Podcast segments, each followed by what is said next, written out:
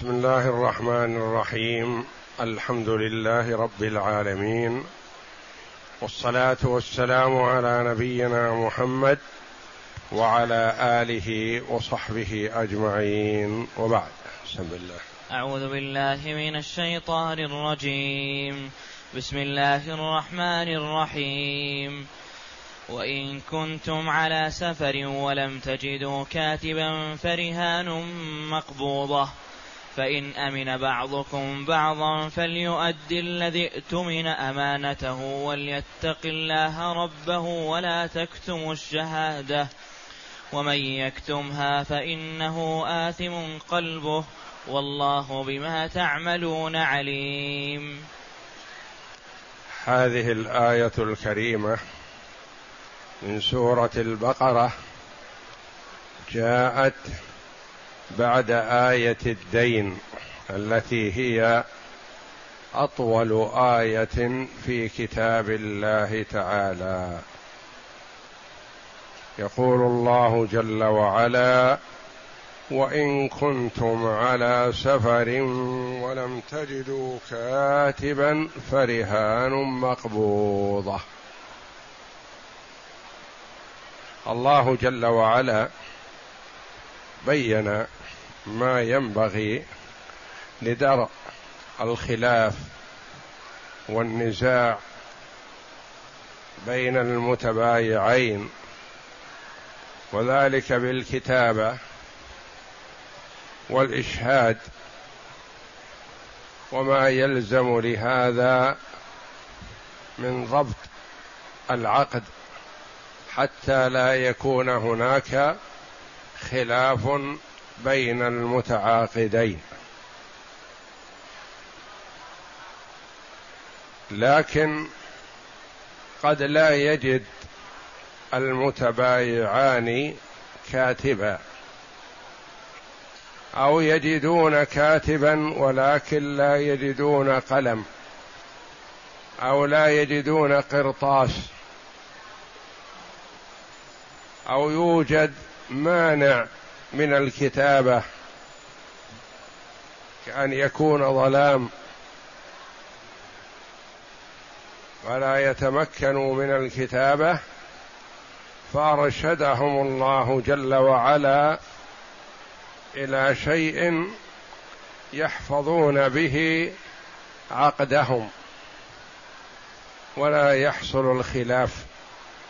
فقال جل وعلا وإن كنتم على سفر ولم تجدوا كاتبا فرهان مقبوضة. الرهن. سمي الرهن رهن لأنه يكون موقوف. مثل ما يقال ماء راهن يعني مستقر. فرهان رهن يعني موقوف. ما يصح أن يباع أو يشترى حتى يستوفى الدين.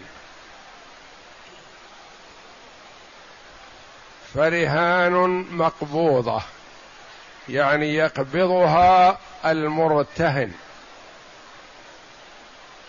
وعندنا راهن ومرتهن ورهن. الراهن هو المدين الذي يدفع ويسلم الرهن. والمرتهن هو الذي يقبض الرهن وهو الدائن وهو صاحب الحق. وعندنا رهن وهو العين المرهونة.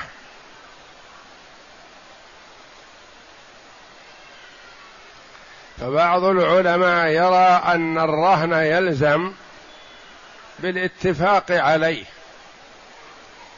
وبعضهم يقول لا يلزم إلا بالقبض. ما دام أنه لم يحصل قبض فلا رهن حينئذ ويكون الدائن مع الغرماء هو وإياهم أسوة. ما دام ما قبض. لأن الله جل وعلا يقول فرهان مقبوضة. يقبضها المرتهن.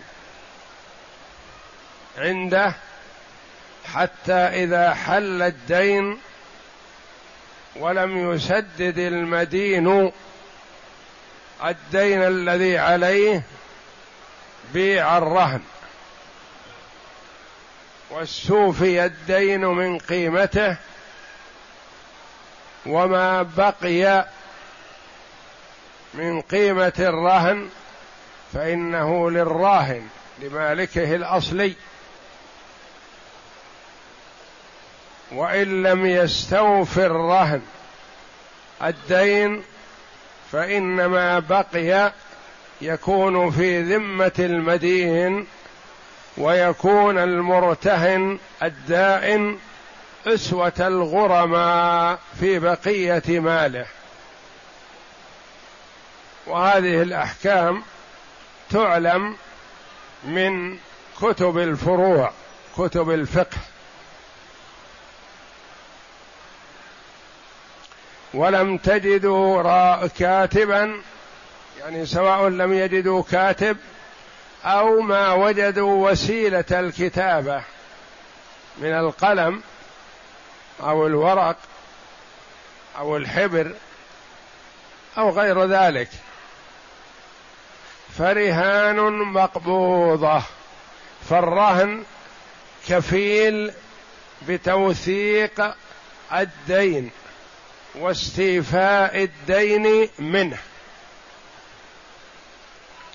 والرهن كما قال بعض العلماء رحمهم الله ثبت الرهن في السفر بالكتاب العزيز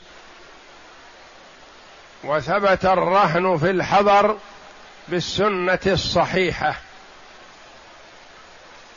الرهن في السفر بهذه الآية الكريمة. والرهن في الحضر بفعل النبي صلى الله عليه وسلم. لما رغب صلى الله عليه وسلم في شراء آصع من شعير لأهله قوتا قال له اليهودي تريد يا محمد أن تأكل مالي. لا أبيعك إلا برهن. فقال صلى الله عليه وسلم أنا أمين في السماء وأمين في الأرض وسأؤدي له حقه ابعثوا له بدرعي. فبعث صلى الله عليه وسلم الدرع لليهودي درعا من حديد ليكون عنده رهنا وهذا تشريع. واستفيد منه فوائد عظيمة. أنه عليه الصلاة والسلام اشترى من اليهودي وبإمكانه أن يشتري من بعض الصحابة رضي الله عنهم. ولا يسألوه رهنا. ولكن لحكمة اشترى من هذا اليهودي. واليهودي خاف على ماله.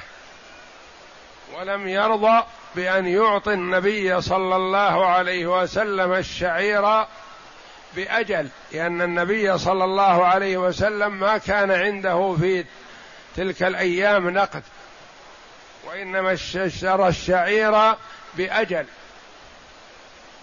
وأعطاه رهنا ليشرع للأمة صلوات الله وسلامه عليه. اذا فالرهن ثابت في السفر بالآية الكريمة بالقرآن العظيم. وثابت بالحضر بفعل النبي صلى الله عليه وسلم بالسنة الصحيحة. فرهان مقبوضة. قد يفهم من هذا بعض العلماء أو بعض الناس بأنه لا يسوغ البيع إلا بكتابة أو رهن. فنفى الله جل وعلا هذا بقوله فإن آمن بعضكم بعضا فليؤد الذي ائتمن أمانته وليتق الله ربه. البائع أمن المشتري وقال ما يحتاج أن أكتب ولا أن نبحث عن كاتب ولا يحتاج أن أطالبك برهن. أنا واثق بأمانتك. وأنك لن تكذب ولن تجحد ولن تنقص الحق. فأنا واثق. نقول لا بأس. هذا سائغ بين المسلمين ومما يسبب الإلفة والمودة بينهم. فإن أمن بعضكم بعضا أمن الدائن المدينة. فليؤد الذي اؤتمن الذي هو المدين.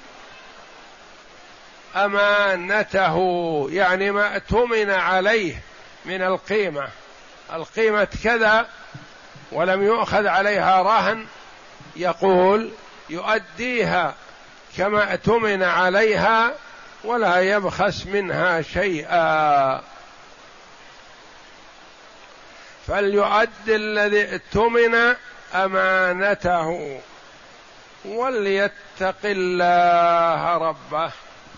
ليكن المسلم متعلق بربه جل وعلا في بيعه وشرائه وصلاته وزكاته وسائر معاملاته.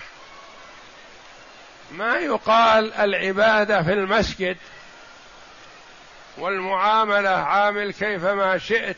لا يا أخي. العبادة أن تكون عابدا لله جل وعلا في جميع تصرفاتك وفي جميع معاملاتك وفي جميع أقوالك وفي جميع أفعالك. فالدين الإسلامي عباده كله. البيع والشراء عباده لله. لأن الإنسان يبيع ليكسب ليحصل على القوت ليحصل على الكسب الحلال الذي يطعم منه نفسه وأهله ومن تلزمه مؤونته. فإذا تعامل بالحرام فكل لحم نبت من سحت فالنار أولى به. وكما كانت تقول بعض نساء السلف إذا أراد زوجها أن يخرج لطلب الرزق والكسب فتقول له يا عبد الله اتق الله فينا ولا تطعمنا إلا حلال فإنا نصبر على الجوع. ولا نصبر على النار. لا تطعمنا حرام فيكون سببا لدخولنا النار. نصبر على الجوع ولا تطعمنا حرام يكون سببا لدخول النار.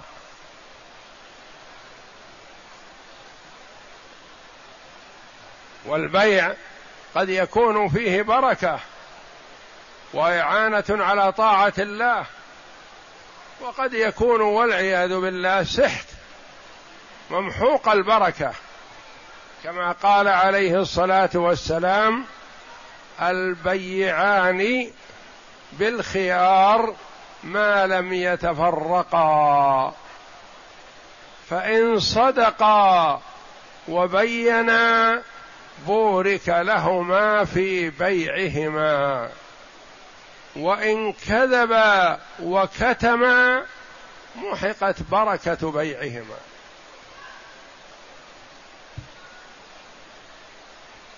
إن صدقا وبينا صدق في قوله ما يقول اشتريته بثلاثين لأجل يقول له المشتري آخذه بواحد وثلاثين وقد اشتراه بعشرين لكن كذب عليه.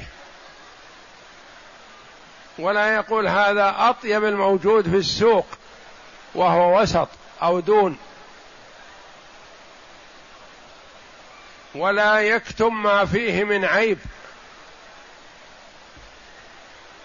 يقول عليه الصلاة والسلام من غش فليس مني. من غشنا فليس منا. يبين ما فيه من عيب. وبعض الناس هداهم الله إذا شعر بعيب ما عنده من بضاعة سارع في بيعها حتى قبل أن ينكشف هذا العيب. وهذا ضرر عليه في دينه قبل دنياه. وضرر في دينه ودنياه معا. لأنه حتى وإن باعه بالقيمة التي يراها مناسبة قد يخسر فيه في شيء آخر أعظم منه. فإن صدقا وبينا بورك لهما في بيعهما صار بيع مبارك. يكسب فيه ريال واحد يجعل الله فيه بركة. وإن كذبا وكتما كذب أو كتم العيب جحده. ما ذكره. محقت بركة بيعهما. لو كسب فيه عشرة يكون ممحوق البركة. يخسر في شيء آخر أعظم منه. لأن الله جل وعلا مطلع.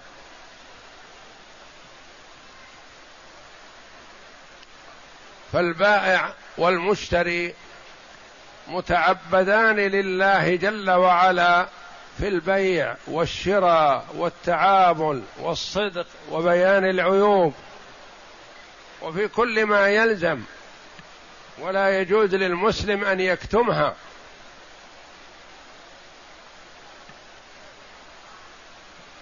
وليتق الله ربه. عند البيع والشراء ليتق الله. اجعل تقوى الله جل وعلا نصب عينيه. ولياتي للناس من النصح والبيان مثل ما يحب أن يؤتى له. وليتق الله ربه. ولا تكتموا الشهادة. أنتم أيها الشهود الذين استشهدتم من قبل لا تكتموا الشهادة أدوها كما سمعتموها وكما تحملتموها. ولا تداهن في الشهادة من أجل قريب. فتأتي بما يحب أو من أجل عدو فتأتي بما يضره. لا تكن شهادتك لله كما تحملتها فتبرأ ذمتك. ولا تكتم الشهادة. ومن يكتمها أي الشهادة يدعى إليه يقول لا لا لا ما عندي شهادة. لا لا لا ما أدري وهو يدري أو يعلم. وإنما يقول الشهادة قد تجر علي مشاكل. لا يا أخي اتق الله وأد الشهادة وتحمل ما يصيبك في ذات الله. أنت على خير. ومن اتقى الله جعل له من كل هم فرجا ومن كل ضيق مخرجا ومن كل بلاء عافية. ولا تكتموا الشهادة. ومن يكتمها فإنه آثم قلبه. آثم هو أو قلبه القلب لأنه هو رئيس وملك الجوارح والأعضاء. إذا صلح القلب صلح الجسد كله. وإذا فسد القلب والعياذ بالله فسد الجسد كله. القلب المستقيم التقي يكون الرجل صالح. وإذا كان القلب فاجر أو آثم فسد. وفسدت المعاملة. ومن يكتمها فإنه آثم قلبه قلبه فيه الإثم والفجور.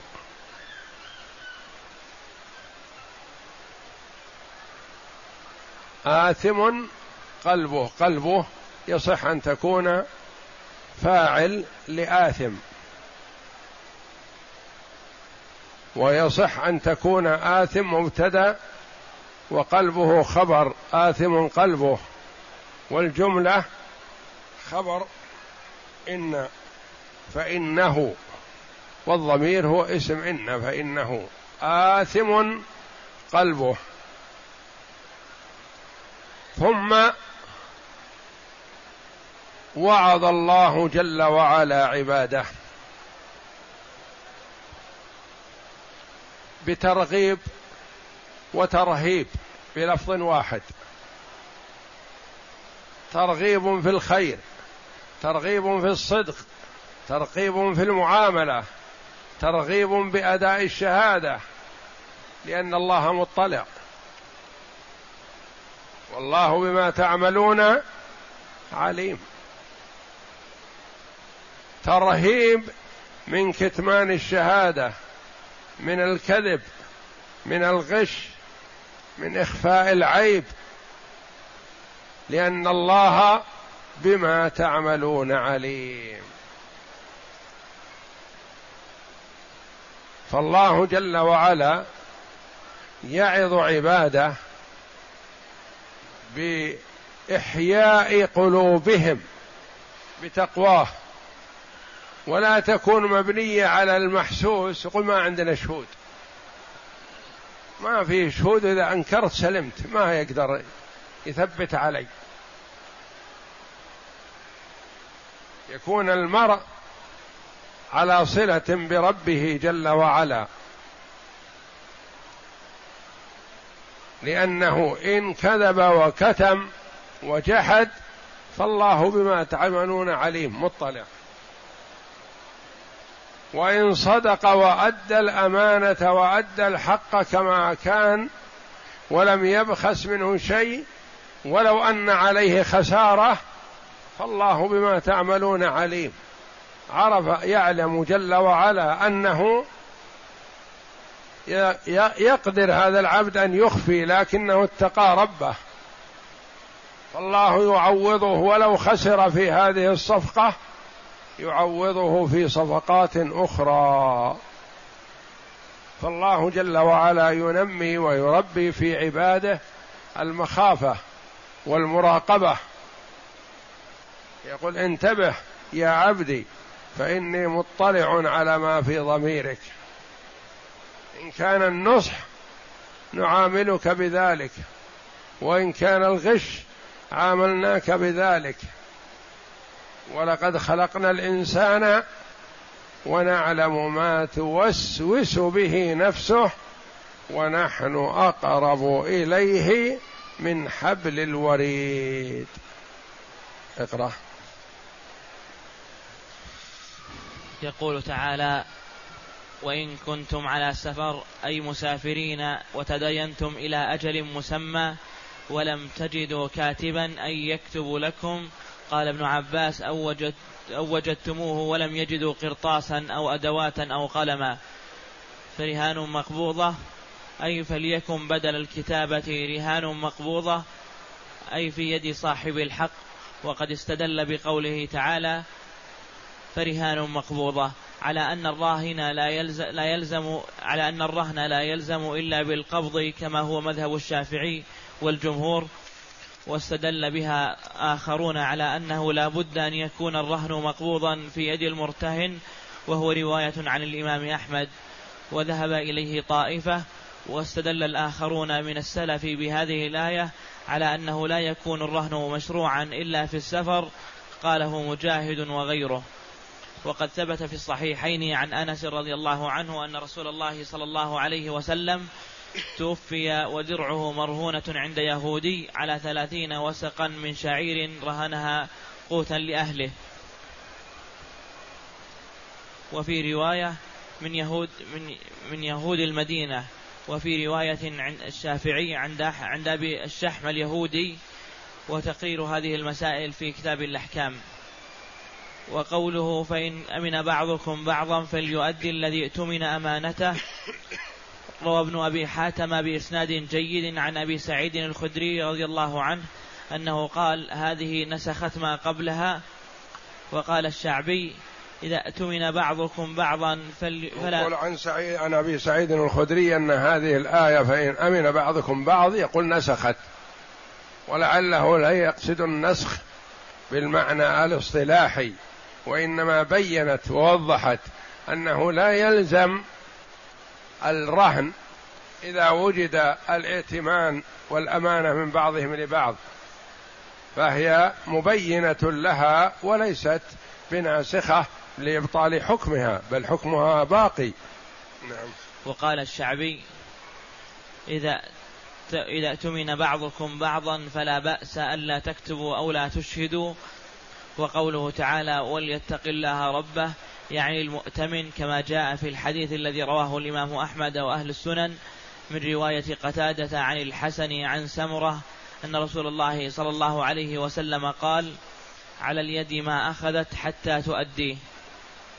وقوله تعالى ولا تكتموا الشهادة أي لا تخفوها وتغلوها ولا تظهروها. قال ابن عباس وغيره شهادة الزور من أكبر الكبائر وكتمانها كذلك. ولهذا قال تعالى ومن يكتمها فإنه آثم قلبه. قال السدي يعني فاجر قلبه. وقال تعالى يا أيها الذين آمنوا كونوا قوامين بالقسط شهداء لله ولو على أنفسكم أو الوالدين والأقربين إن يكن غنيا أو فقيرا فالله أولى بهما فلا تتبعوا الهوى أن تعدلوا وإن تلووا أو تعرضوا فإن الله كان بكم فإن الله كان بما تعملون خبيرا. وهكذا قالها هنا ولا تكتموا الشهادة ومن يكتمها فإنه آثم قلبه والله بما تعملون عليم. والله أعلم. وصلى الله وسلم وبارك على عبده ورسول نبينا محمد وعلى آله وصحبه